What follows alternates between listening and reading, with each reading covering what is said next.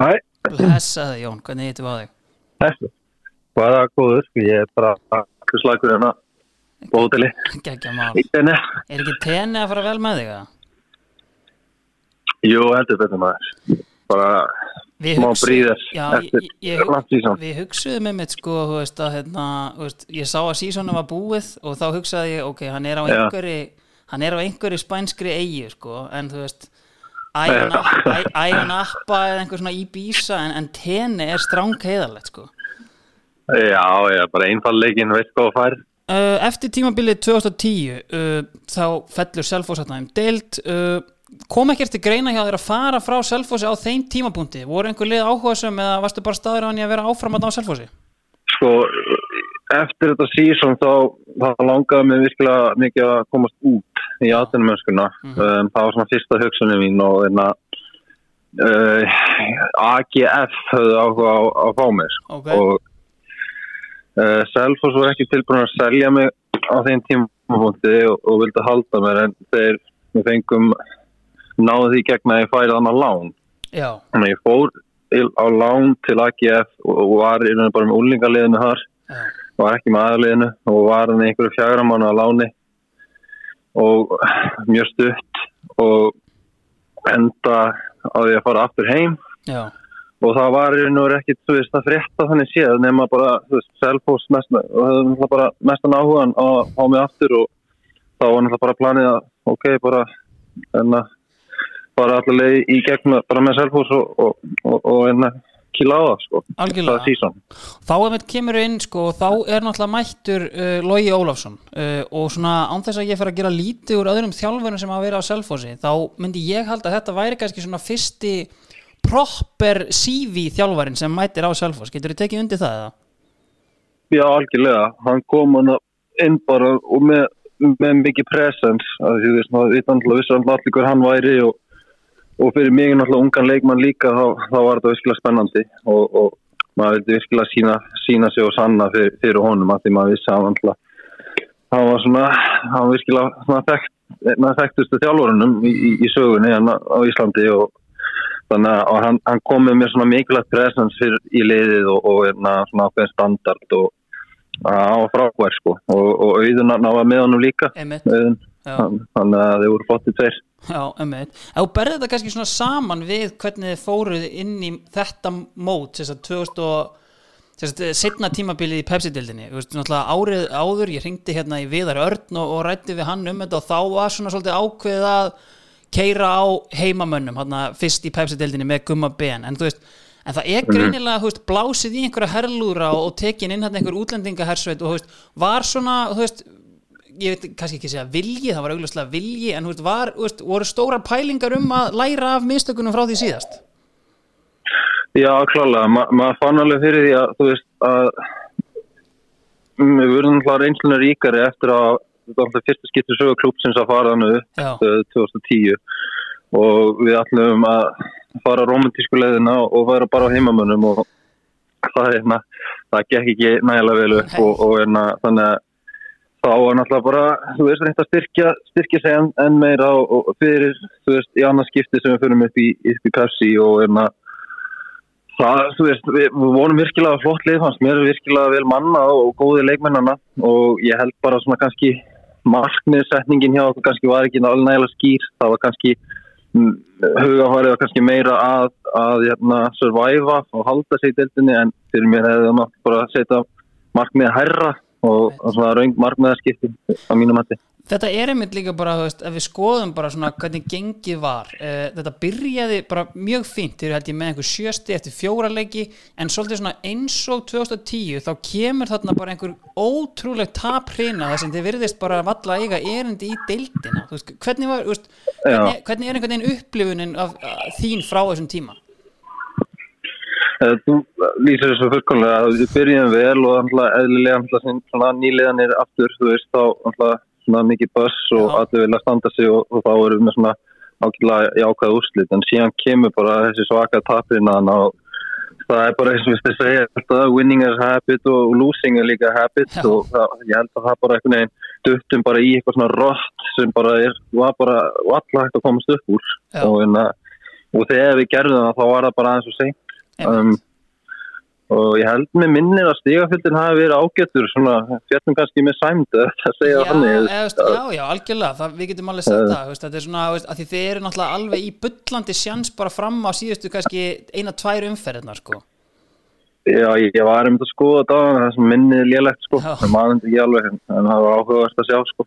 Ef við förum bara aðeins yfir veist, leikmannhópin, ég kemur ná hann, það eru margir útlendingar þarna, veist, þetta eru bara, og þetta er svona allra kvikinda líki, ef ég má segja það. Veist, þetta eru, þetta eru normenn, þetta eru afrikumenn, þú veist, hvernig var, hvernig var svona léttleikin yfir hópnum, veist, var góð stemming hana? Þetta var alveg universal stemning að naklega stemning sko var þannig að mjög, mjög skemmtileg svona skemmtilegt umhverfi og, og mismöndi kúltúrar. Og hérna við vorum með hana Nossarna, tvo Endri Brenni eða þrýr voru þeir, Endri Brenni, Ívar Serve og, Og, ég bara man ekki hvað hinn hér hérna, sko. sko Robert, að- Robert Sandnes var þarna. Robert Sandnes já, Já. veist, og allir veist, vinnu hestar og gá allt og við vorum virkilega svona góð asset sko að hafa og síðan voru við með Babakar Sarrana hann var algjör svona unitan á miðinni og síðan voru við bara með þess að Óla Kalla Finnsen veist, hann var og Þetta er nefnilega fáránlega góður hópur bara þegar maður lesa þetta upp sko Já, algjörlega, ég meina þegar ég, ég var einmitt að bara skoða þetta áðan sko, þú veist, fyrir þetta sínd og ég hef þetta var bara helviti sterkur hópur hérna sem við höfum, þannig að þannig að skoðar svona þessu, sem maður finnst bara hálf furðulegt hvað að við höfum bara fallið með þetta lið, sko, en hérna við höfum alveg séð önnur lið, svona tilbaka séð þegar maður sé mannskapinn, þannig að þetta bara gekk ekki, þú veist, Mhm. það bara, það, við náðum ekki, þegar segi, úr þessari taprinuna sem gjössulega eiginlega þetta sísónan og geta verkum með fjallum en, en klálega þetta er svona mjög minnist að sumar, að, þú veist, persónulega sé þetta virkilega skemmtilegt þrátt fyrir náttúrulega, náttúrulega leiðalt að falla og alltaf en ég er hann nokkuð ungur og, og svona, er svona svona að finna maður betra og betri og, og, og, þetta var svona skemmtileg tími og, og skemmtileg hlið klálega. algjörlega Ef förum við bara, veist, kannski hápunkturna sem fólk mann kannski helst eftir frá þér á þessum sumri það er auðvitað sigumarki á móti káar sem, veist, ekki nóg með að vera glæsi mark veist, þá náttúrulega bara heldur þetta svona lífi ykkar svona voninni veist, getur eitthvað farið með okkur í gegnum þetta mark?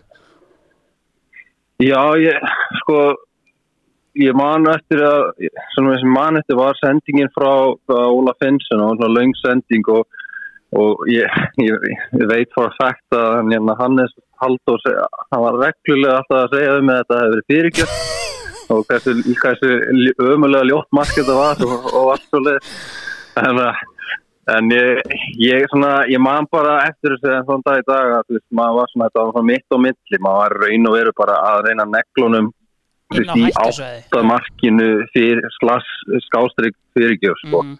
og en að það fór inn sko, en að já, þetta var bara æðislegt. Ég man að eftir þessum degi vel sko, þetta var gott fyrir þú veist bara bæjarfélagið og, og svona móralinn að, fá hann sigur og móti káir líka svona stóra lið á Íslandi og að á Selfossi, þannig að þetta var virkilega gaman. Er þetta svona, þú veist þetta er, eins og ég ímynda mér þetta því að þú veist, að að touchið sem þú tekur þetta er svona hálf innanfótar hálf rist einhvern veginn.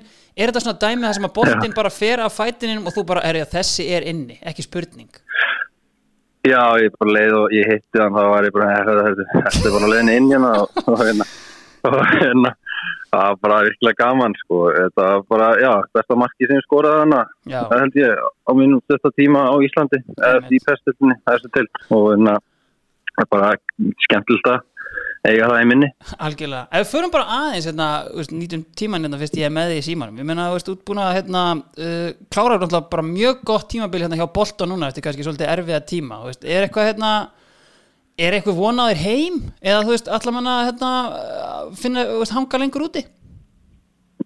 Sko, ég er náttúrulega ef ég á að segja að þegar ég var í Millwall og, og, og í fristikistinu þar þá kom þessu hugsun er þetta eðlilega þá var maður frekar niðurlútur og það gekk ekkert upp einhvern veginn og þá kemur þessu hugsun að koma heim en, en síðan leiður maður breytum umhverju og fór í boltan og, og með einhvern veginn, þú veist, er bara allt annars og, og, líður vel og er að spila vel og maður finnur það að maður álega hellings inn þá eftir í atvinnumennskunni. Mm -hmm. vonandi ef maður helst meðsla frýr og, og allt gengur upp sko hann að ég sé alveg fram á það vonandi að vera í 3-5 ári vonandi eh, til við bútur í atvinnum mennskunni en hérna, jú, jú, maður saknar alltaf Íslands og það kemur náttúrulega aftur í einhver tíman þegar maður Já. snýr heim og er það bara Selfoss sem kemur til greina eða munum menn hlusta öll tilbúð Ég fyrsta hugsun er Selfoss klálega Já. en maður er mannlegur þannig að maður hugsa náttúrulega líka um, um, um eða eitthvað annað kemur en, en fyrsta hugsun er náttúrulega klálega Algjörlega. allan daginn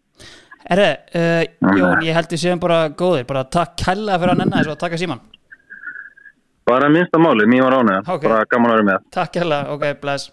Takk, takk, bye bye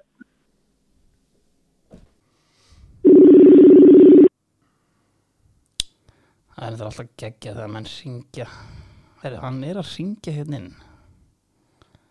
Er hann að hringja?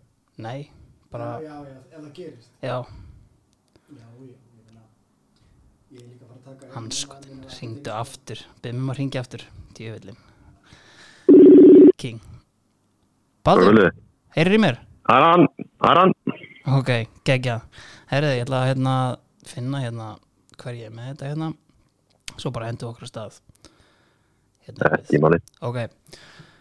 Baldur, ef við förum aðeins yfir tímabilið 2012 þarna um veturinn, það var kannski aðeins öðruvísi kaupstefna hjá KR fyrir tímabilið heldur en undanfærin ár. Það voru teknir inn kannski yngri og efnilegri leikmenn úr slakari liðum frekar en svona proper hundar úr atvinnumönsku lítið kannski sem að þetta tvöfalda meistaralið misti, hvernig fannst þetta koma stemdir inn í tímabilið?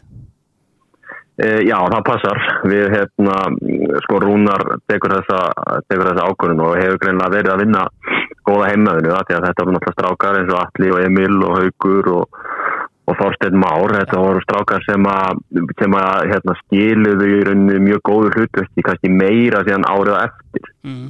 Og, hérna, og þannig að þetta er í rauninni klókaup að fíletum til og, og eins og segir, við mistum ekki mikið við mistum hérna, já eins og segir skúla og hvað Gauja Bald var það ekki? Jú, og hérna, en það sem að það, það sem að við vorum alltaf bara í vandræði með og var, þess að það hafi verið svona ákveðin vandræði á okkur undanfærin ár var alltaf hafsendin. Og, og árið undan þegar skúli fer inn í hafsendin og leysi það þá hérna að þá svona kemur einhvern veginn ákveðið flæði í okkur sem að gera það verkum að við náum þessum frábæra árangri 2011 Mhm. og, og því miður missum við hann og, og, og hérna, þá kom einn maður að nafni Rís Veston inn í hérna, sem var fenginn inn og, og hann alltaf bara átti að koma beint inn í hafsendin og þá væri við rauninni bara með sama góða liðu að við verið með og mér fannst einhvern veginn bara og tala um hvernig við komum stemdi, mér fannst einhvern veginn bara frá því að Rúna tók við mjög fljótlega eftir það þá fór bara liðið að tikka rosa vel, með rosa góðan hóp gott flæði í liðinu. Mm. og ef að Rís Veston hefði verið e, sá hafsend sem við leitað að þá held ég að, að hérna, þetta hefði getað uh, í rauninni enda betur fyrir okkur því að hann var rosa breskur hann ekki góður á boltan og, og mjög ólík og sko ég held að hann og Skúljón séu eins og ólíkar típur og þú getur bara fundið. Já, einmitt. Þetta er einmitt svona gæi, hann kemur hérna, hann er búin að vera í Akademi Arsenal og annað, þú veist, sástu strax einhvern veginn, this is a fraud, þú veist, þegar bara hann mætti á fyrstu æfinguna, eða þetta myndi ekki ganga einhvern veginn. Nei, maður sá það ekki strax sko, hann var hérna, það var svo góðu gaur og svona, svona viðkunnalegur og, og svo hérna, þú veist, grjótharður bara í flottu standi, Einmitt. svona bara, bara, bara í styrtunni, bara, þú veist, vel vaksinn sko. Og hérna, en svo einhvern veginn bara virkar þetta ekki og það fer svona, við byrjum náttúrulega illa og það er líka ákveðið svona, þú veist, Káar er náttúrulega sérstaklega klubbar til einnig til að, að það kem, kom alltaf sama umræðum, mættum ekki vinna Reykjavík mót og mættum ekki vinna lengjubikar eða eitthvað, þá myndum við ekki vinna mótið og það er alltaf þessi umræða og, og það var líka þess með byrjanirnar sko, þú veist, 2010 þegar við ef við hræðilega byrjum þar svo byrjum við vel 2011 Já. en svo byrjum við illa 2012 og, og, hérna, og þá svona sem sagt, þar er við reynda náum okkur á flug en í mann hann var einhver leikur í þriðjum fyrir eitthvað mot IPVAF sem við bara rétt sleppum inn með sigur hann Já. tekur eitthvað víti Einmitt. og við vorum bara að spila mjög illa Mm. og, hérna, og ég man nú ekki hvað Rís Veston kallinn fekk margar umferðir eftir það en þær voru, þær voru einhverjar og hann, hann var bara veist, ja, hann bara var sendur í burtu sko, og því miður Algjörlega.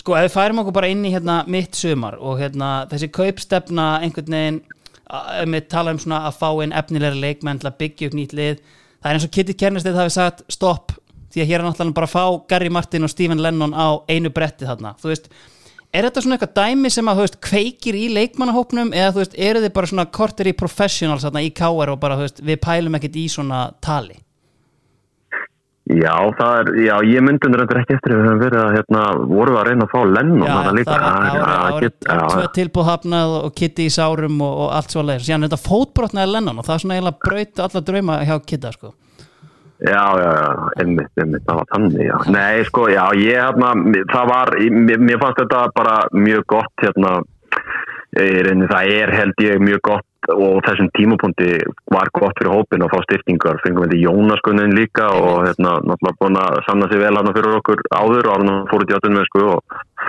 og hérna og það að fá inn Garri var í rauninni hérna mjög skiljalegt þetta var náttúrulega bara einn heitasti sendirinn hérna á skaganum hann hefði nú farið neða á Íslandi og hann hafði nú fór ítla með okkur hérna miðunum í fyrirumfyrinni í leik sem við reyndar uh, áttum aldrei að tappa en hérna en þetta var, já já, en Garri kom sko það var ekkert þannig að það var eitthvað vesen á hann sko, hópurinn okkar var náttúrulega stútfullur af, af hvað, hvað það segja karakterin sem Já. voru það skipti ekkert máli þótt að, að hver hefði komið inn að, að hérna, og Gary í rauninni allavega það sem ég man eftir kannski fæ ég einhver, uh, einhver símtur eftir þetta sem að menn halda einhver öðru fram en, en ég man bara hann og það er yfirleitt þannig að, að hérna svona fyrsta árið þú kemur inn og ég meina Gary bara bar mikla virðingu fyrir liðin og hóknum og var mjög stoltur af því að hafa fengið þetta skref. Og hérna Þannig að hann kom náttúrulega vel inn og það kannski bara það eina sem að hérna, mér minnir hann að hann alveg skora einhver mörg sko. Já, já, og, hann gerir það, og, Já, hann hafa svo sem ekkit út, á- út á hann að setja sko, en hann bara, eins og segja, það sem að geri samt held ég aðalega þegar hann kemur inn er að, að hérna, minningunni að þá voru við að lenda þá aftur í því að það var alltaf ákveðin svona samkjöfna á milli kjartans og gauja. Mm, hvor væri upp á topp? Og kjartan var eiginlega svona fórbortnað að hægri kantin árað undan. Einmitt og stóð sér enda þar vel, það vel að hún hefði bara maður mótsins Já. og hérna, og, en svo semst, mér minnir að þarna hefur við, lendir kjartan í því aftur 2012, Garri kemur settur upp á topp og Já. þá er einhvern veginn kjartan aftur farður út á kantin og, og ég held nú að kjartan hafði ekkert verið neitt rosalega sáttið við það þannig að hérna, að náttúrulega að lenda einhvern aftur í því að fá hann inn sendir og það er líka svona veist, þetta er líka Garri var svona allavega þá mann lítið síðan kannski síðust ára en svona allavega í, í, í, í Selfoss og þar, hann var rosa mikið að draga þessu út af kantana og svona, þetta var svona kannski svona einhver blanda sem við þurftum að læra inn á. Algjörlega, og ef komum bara inn á það þú veist, þarna eftir Vesturumarhelgina sérstaklega og, og kannski sérstaklega kannski eftir að þið klárið hennan byggar úrstættarleik, að þá náttúrulega bara algjörlega hrínur leikur liðsins, þú veist er auðvelt, og Rúnar talaði náttúrulega um það bara, þú veist, það eru mistök að hafa byggarúrstættarleikin hérna á þú veist, bara hérna um hérna á menninganótt eða eitthvað svoleiðis, sem að, þú veist, þú klárar bara Evrópusæti og hefur lítið að keppa, veist. Er þetta, þú veist, í þínum huga bara, þú veist, eina skýringin, þið voru bara kónum með Evrópusæti, titillin var farin og þá voru með bara farin í sömafri, eða vetrafrí Mm, nei, þetta er ekki stýringin sko. Við, þú veist, við, já, eins og segir sko, við vorum komnir í bartuna við hérna FA og við vorum, vorum komnir á toppin og við vorum að vinna okkur upp og svona, þú veist, það var alltaf óttablandi virðing gagvart FA þegar verið á svo svakalega sterkir bara í einhverju næstu tíu ár. Og, og hérna, en þarna er svona ákveðin svona nýður sér blei að fá því náttúrulega vinnum að náraðu undan og svo líka þar undan og svona og þannig að við erum hann komnir í þessa bartu og, og svo kemur þessi, þessi vettlumni helgi eins og segir og við förum hérna uh, förum til Eyja þar sem að Hannes fær rautspjald já, eftir bara, veist, bara í byrjun leiks og við lendum, já nýjum myndur já, Já. og við lendum einhvern veginn í leika mot IBF sem við áttum aldrei sens og þannig gummi tóta ungur bara djúpur á miðunni, bara fekk að dreifa honum eins og hann vildi og, Já.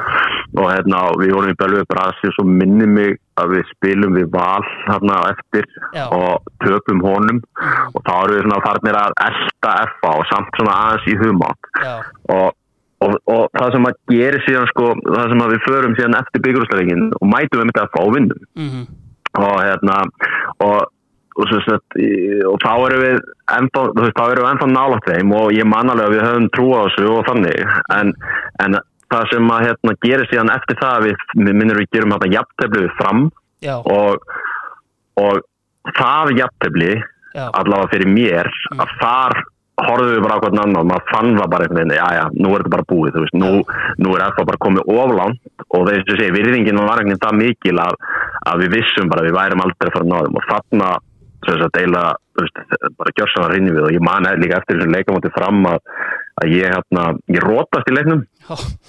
Og það sýnir kannski líka hvað eru breytti tímar í dag varandi svona protokól varandi að hérna, rótast að ég fer eitthvað svona upp í skallaboltin í teg lenda á milli tveggja og neglist hún í jörðina. Já, og ég bara dett út og, og svo lapp, er, er í fyrirsnúta hliðalínu og, og þá sko kemur Rúna Kristins og spyrir mér svona uh, hvaða dagur er í dag?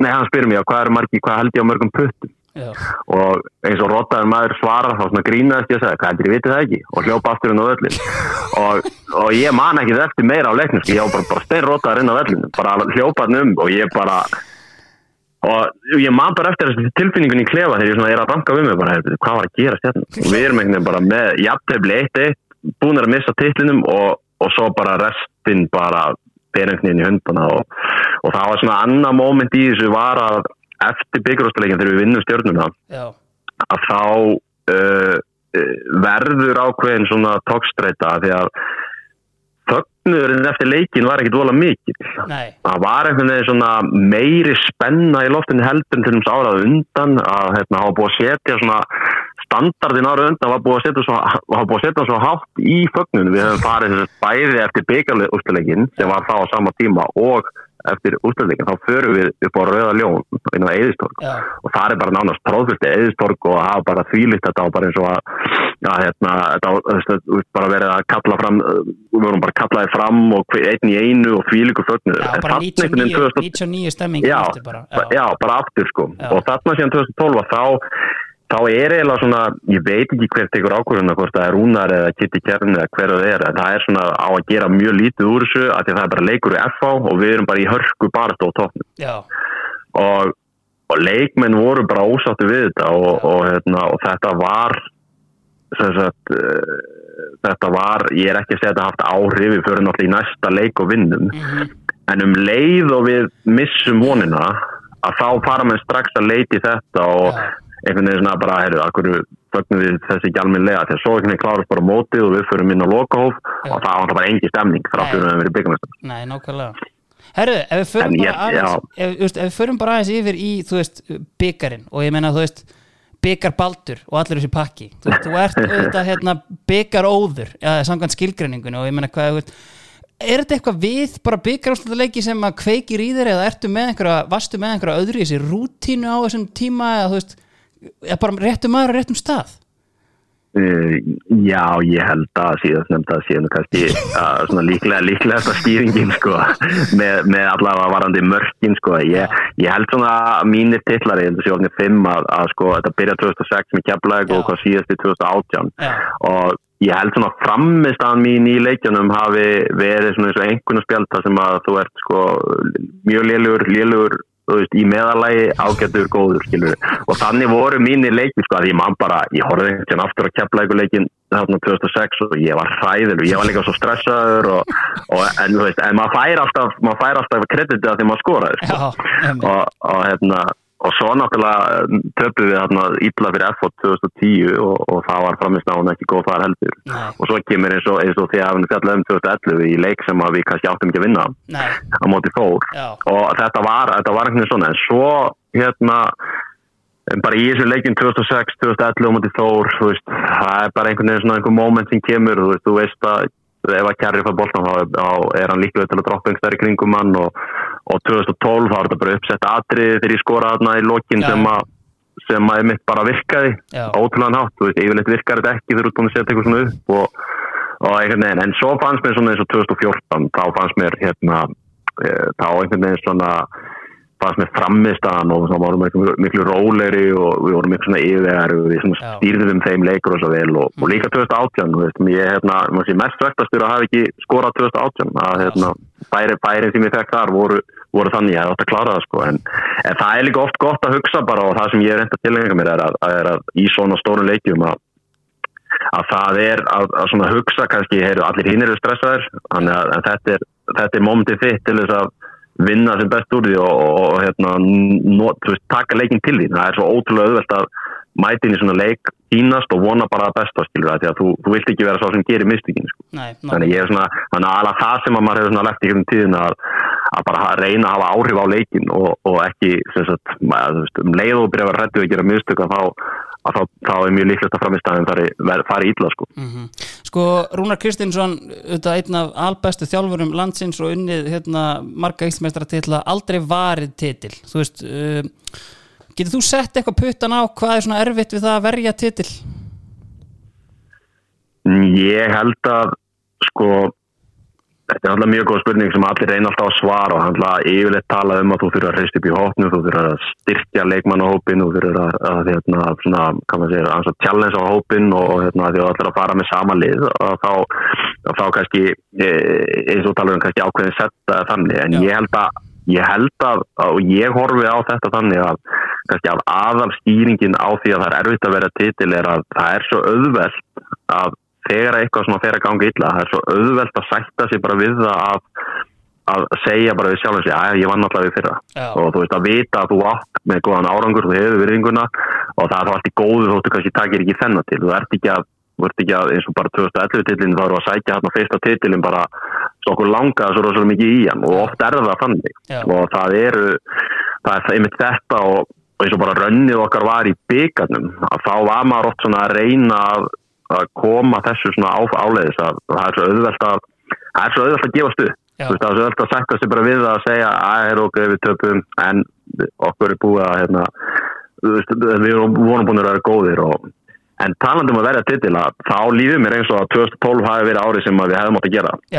Það, hérna, og það er eiginlega bara, mér líður ennþá þess að þessi algjört klúður fyrir, frá okkur að hafa ekki gert það, það sem ég fór það sem ég var að tala um á áðan að, að mér fannst liðið bara sem að, og og hvernig Rúnar þjálfaði lið og hvernig hópið voru með að liðið tikkaði svo vel bara frá 2011, Mm. 2012 2013 og svona lengi inn í 2014 og það var kannski þannig að, að það að sko klára þetta ekki 2012 taka samt byggarinn og svo líka eða 2013 leið manni árið eftir sem því kannski eftir að fara yfir að síðar en, en að þá svona einmitt klárum við Íslandsmeistartitilin en, en við töpum í framlengingu undanúrstöðum í, í hérna byggar þannig að maður svona að voru þessi þrjú ár sem að maður hefði vilja hefði alveg sem að geta síða fyrir sér að við hefðum mögulega geta varið titilin 2000 allavega 2012 en, en svo kannski er önnur saman 2014 þá held ég að það hefði verið svona þá var bara komin einhver svona slagi í okkur og, og svona þetta var svona farið að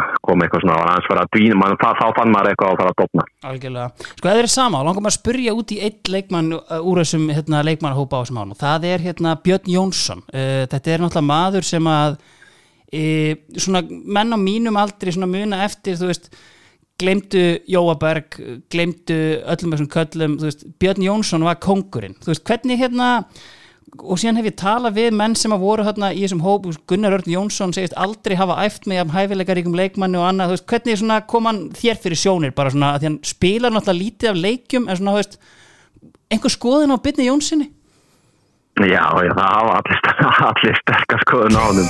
Sko, bara, og bara jákvæða sko, þeir sem að spila með það, þetta er alveg rétt það sem að Gunnar Rödd segir, ég vissi ekkert hver það var þegar hann kom, það var eitthvað tölvöld yngri og, svona, og þannig. Og hann hérna kemur bara inn í hópin og, og, og svo einhvern veginn bara byrja maður að æfa með honum og, og, og þetta er sko, það er oft talað um einhver svona taki yfir æfingar. Já. það, það er sennilega aldrei satt en það, með, með, Björn sko, þá var þetta satt, hann gerði bara stundur hluti æfingum sem eru bara svona veginn, hann hæfileikarnir virtist bara að vera óvandarlegir, hann, hann gætt skotið með hægur og vinstri, hann var með hraðabreitingar og náttúrulega vaksin eins og grísku guð. Og einhvern veginn hafði bara allt og, og ég hérna, það var nú einmitt sko, ég held að áhörendur hafa nú bara glaðst mikið yfir þegar hann var til dæmis bara á bekknum að því að hann var náttúrulega í hálfleik og bara uh, gerði vist bara uh, einhver, ægileg triks þannig að það veist bara triks sem engin nokkuð maður séð. Þannig að hérna, en hann var bara ópið með meðsligreið og hérna hefði náttúrulega geta náð bara ótrúlega langt og, og hérna og það var nú kannski líka svona eitt moment sem að mann mjög vel eftir að, að þá vorum við að spila hvort það var ekki 2011 við að spila við í, í Fuglafjörð í fyrstu umferði í, í, í, Európakefni og við höfum unnið út nefnir heim, eða þess útilegin 3-1 og svo fyrir við heim og þá svona stilti við kannski upp svona ekki okkar sterkasta og og það var mitt byrjaði Björn og svona, mér minnir, ég vonaði sér eftir, mér minnir að við höfum tekið miðju í byrjuleiks, Björn fekk boltan og hann var næstu búin að skora svona 6 sekundar síðar eftir að hann leik bara nánast allt liðið, tók kannski eitt þrýning og var bara komin, þú veist, það enda með að hann fær sér að tekur þrýning, kemst einn í gegn og, og rétt skýtur rétt fram og maður hugsaði bara hvað var að gera?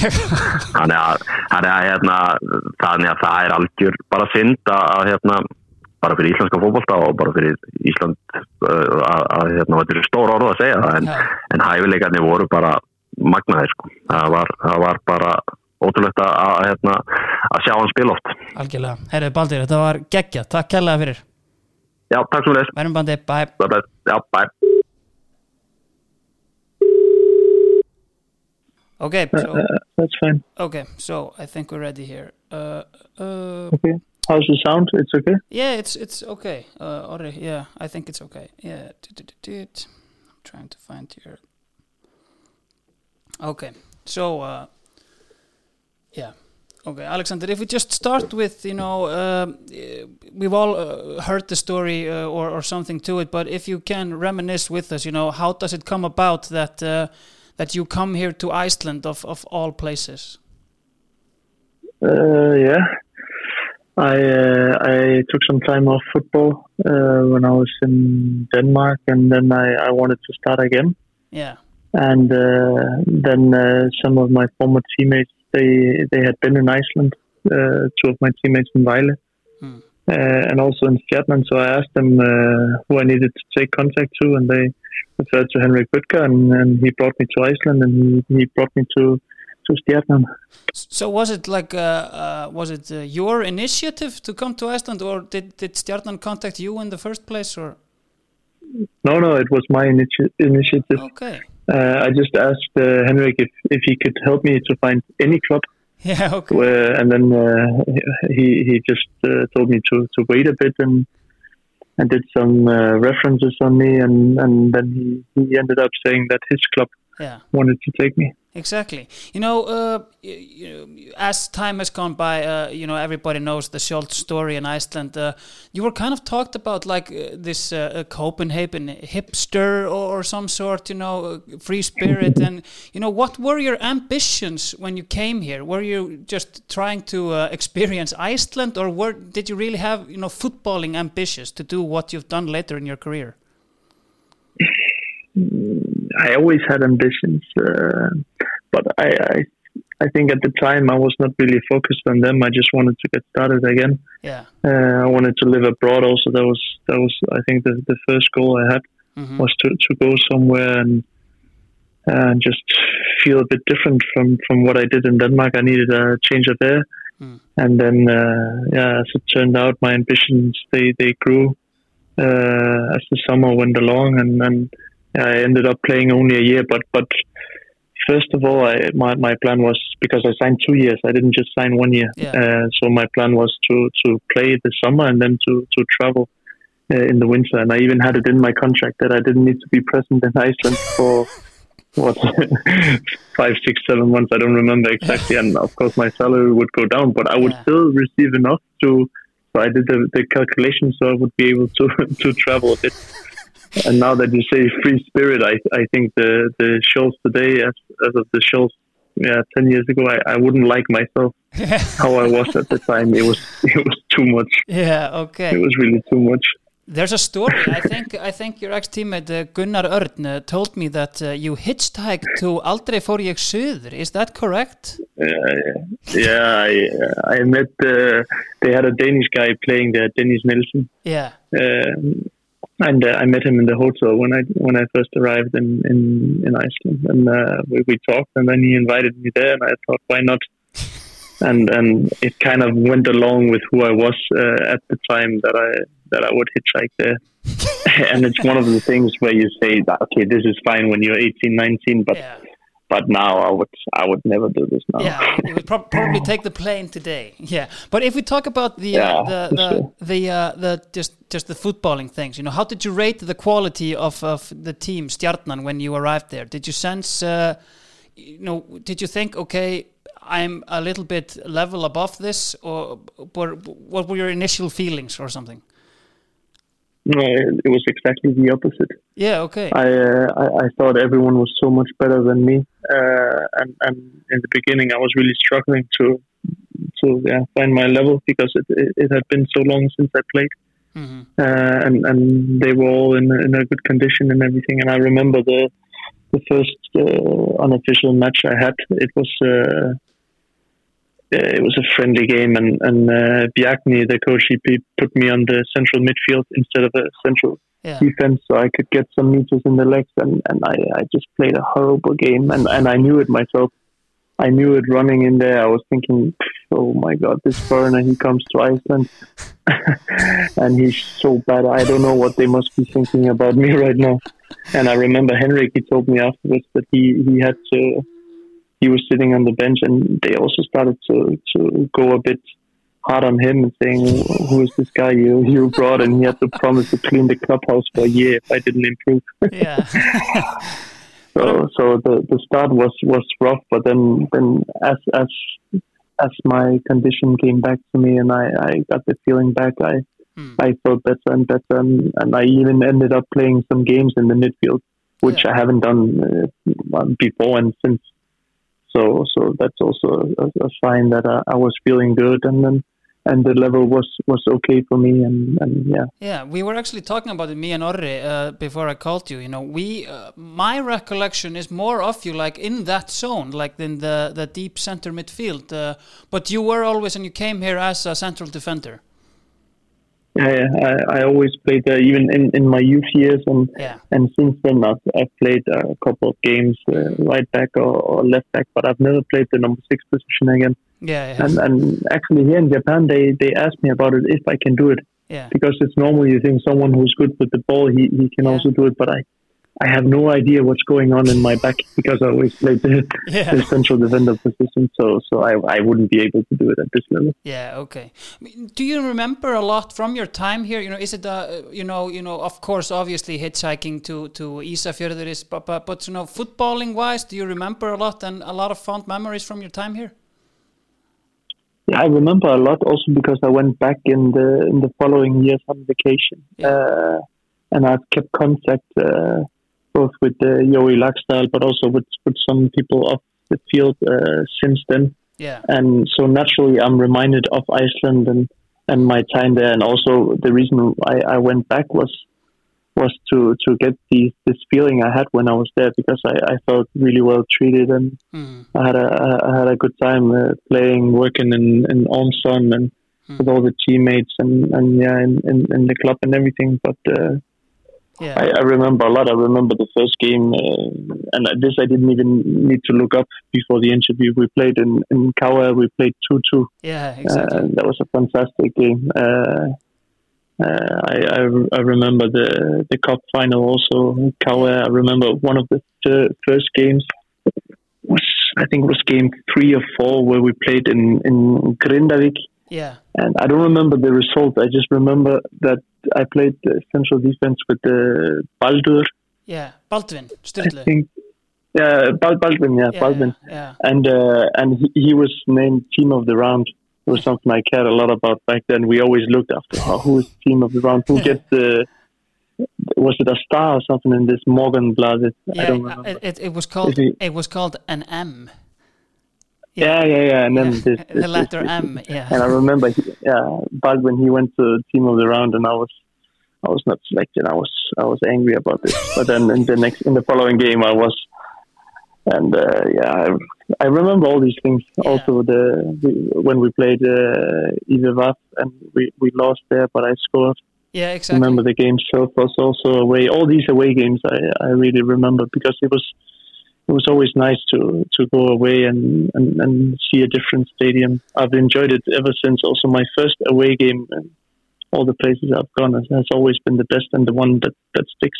Yeah, exactly. And I mean, uh, you talk about the uh, the uh, game against IPVAF there. Uh, obviously, uh, you know, and for the away games, you had, of course, uh, Silverskaden, the fans. I mean, uh, have you, you know, of course, you've you've seen packed stadiums, you know, later in your career. But I mean, the silver skate always has a place in your heart, I would think.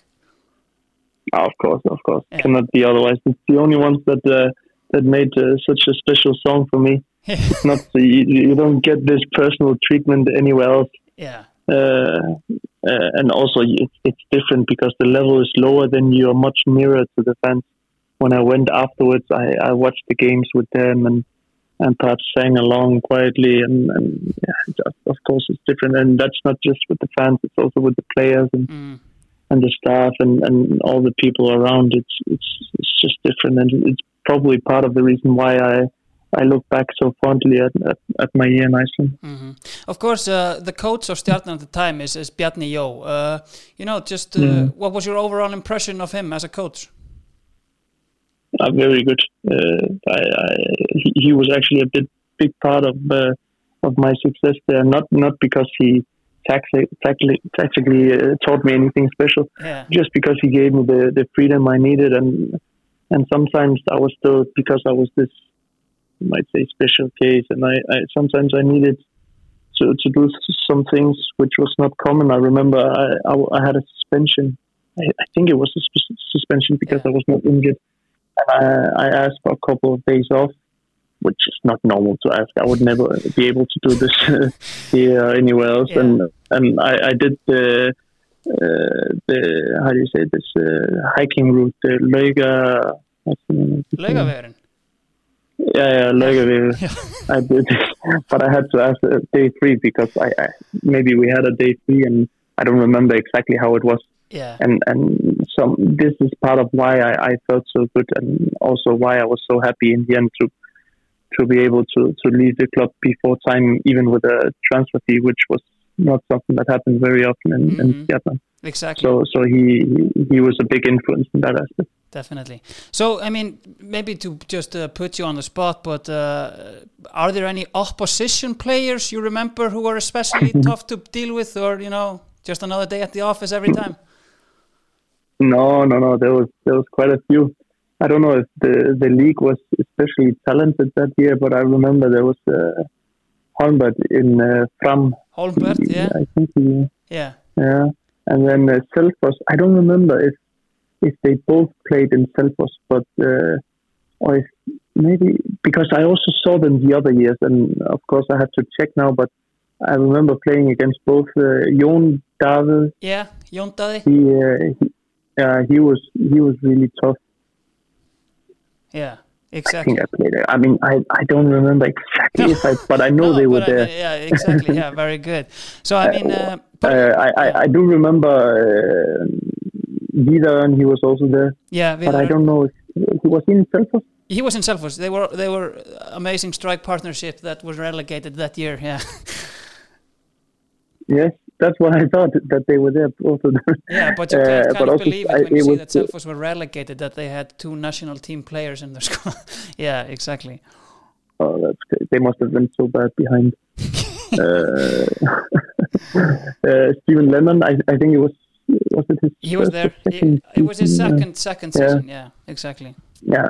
So he came back a bit later, Mm. and we played them in this uh, uh, cup game, bef- uh, cup tournament before the Yeah, season the Lenke that no one cares yeah. about. Yeah, Yeah, yeah.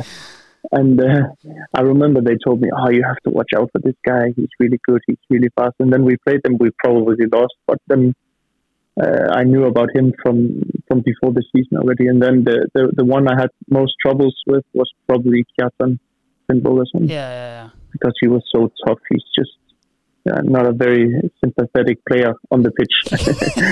so uh, I remember this uh, clearly, and of course I've seen it since in, in, in Denmark also. Yeah, exactly. But uh, he, he's really a handful. to say the least. I mean, uh, just if we talk Yeah. about your uh, your career today, since I mean, you all uh, obviously did those uh, very good things in Belgium, then back to Midtjylland. How does this uh, move to the J1 league uh, uh, come up? Mm, yeah, I was trying to let's say be be ambitious to, to go as high as I, I could. I, I got a good start in Belgium. hmm had a transfer from from Lokeren to Standard Liège and and ended up being there in, in three years. There was a time when I felt I could have gone higher, but Yeah. then uh, yeah, things they they ended up differently, and I, I I went out of the team and I had to make a transfer. So I went to Bruges Yeah. uh, because I my my former teammate was a coach there, Mm. uh, former teammate from Lokeren, and um, that didn't work out as well. I ended up being, I think, more than six years in Belgium, and and for me, it, it was it was a bit too long. Yeah. So I, I I had to find a place to play to get my career back on track, as they say. Hmm Uh, and it ended up being Denmark. Actually, the last thing I wanted because I was always happy living abroad, and Yeah.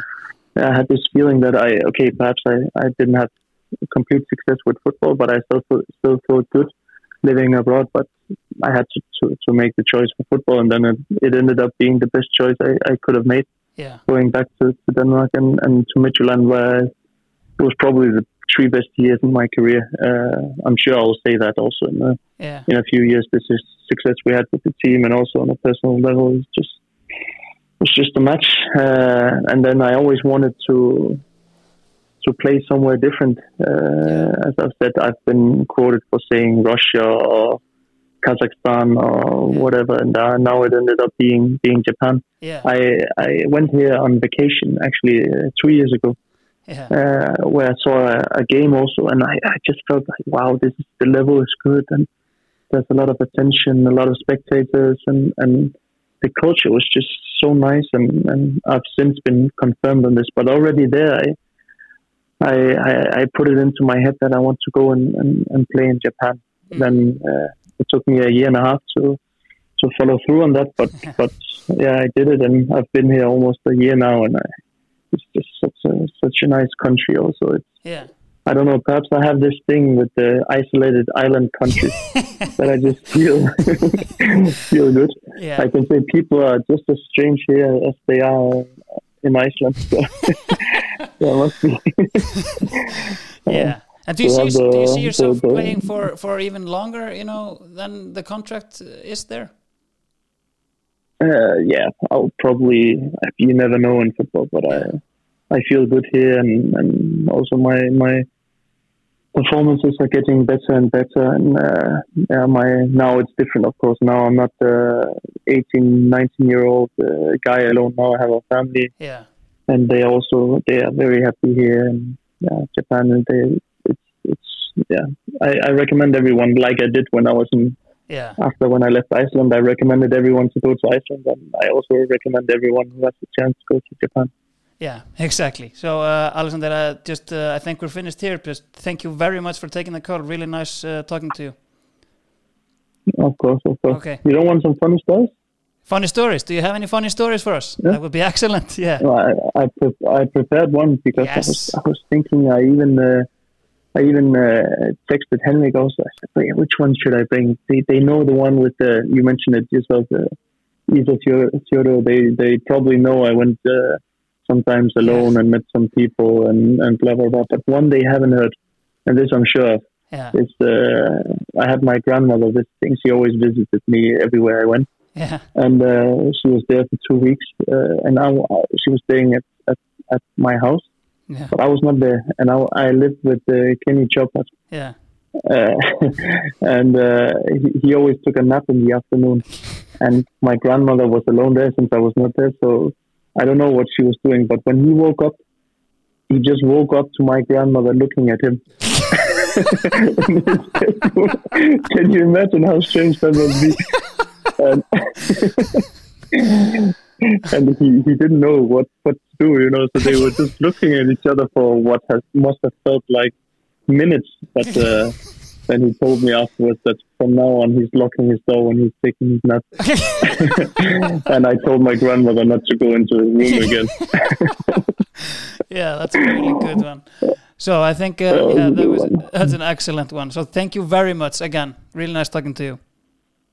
Uh, you too, you too. I'm looking forward to hearing it. Yeah, definitely. I'll send you the link. Uh, Okay. Bye. Thank you. Okay, okay. I'm from Stjarnan. Bye bye. Yeah, bye.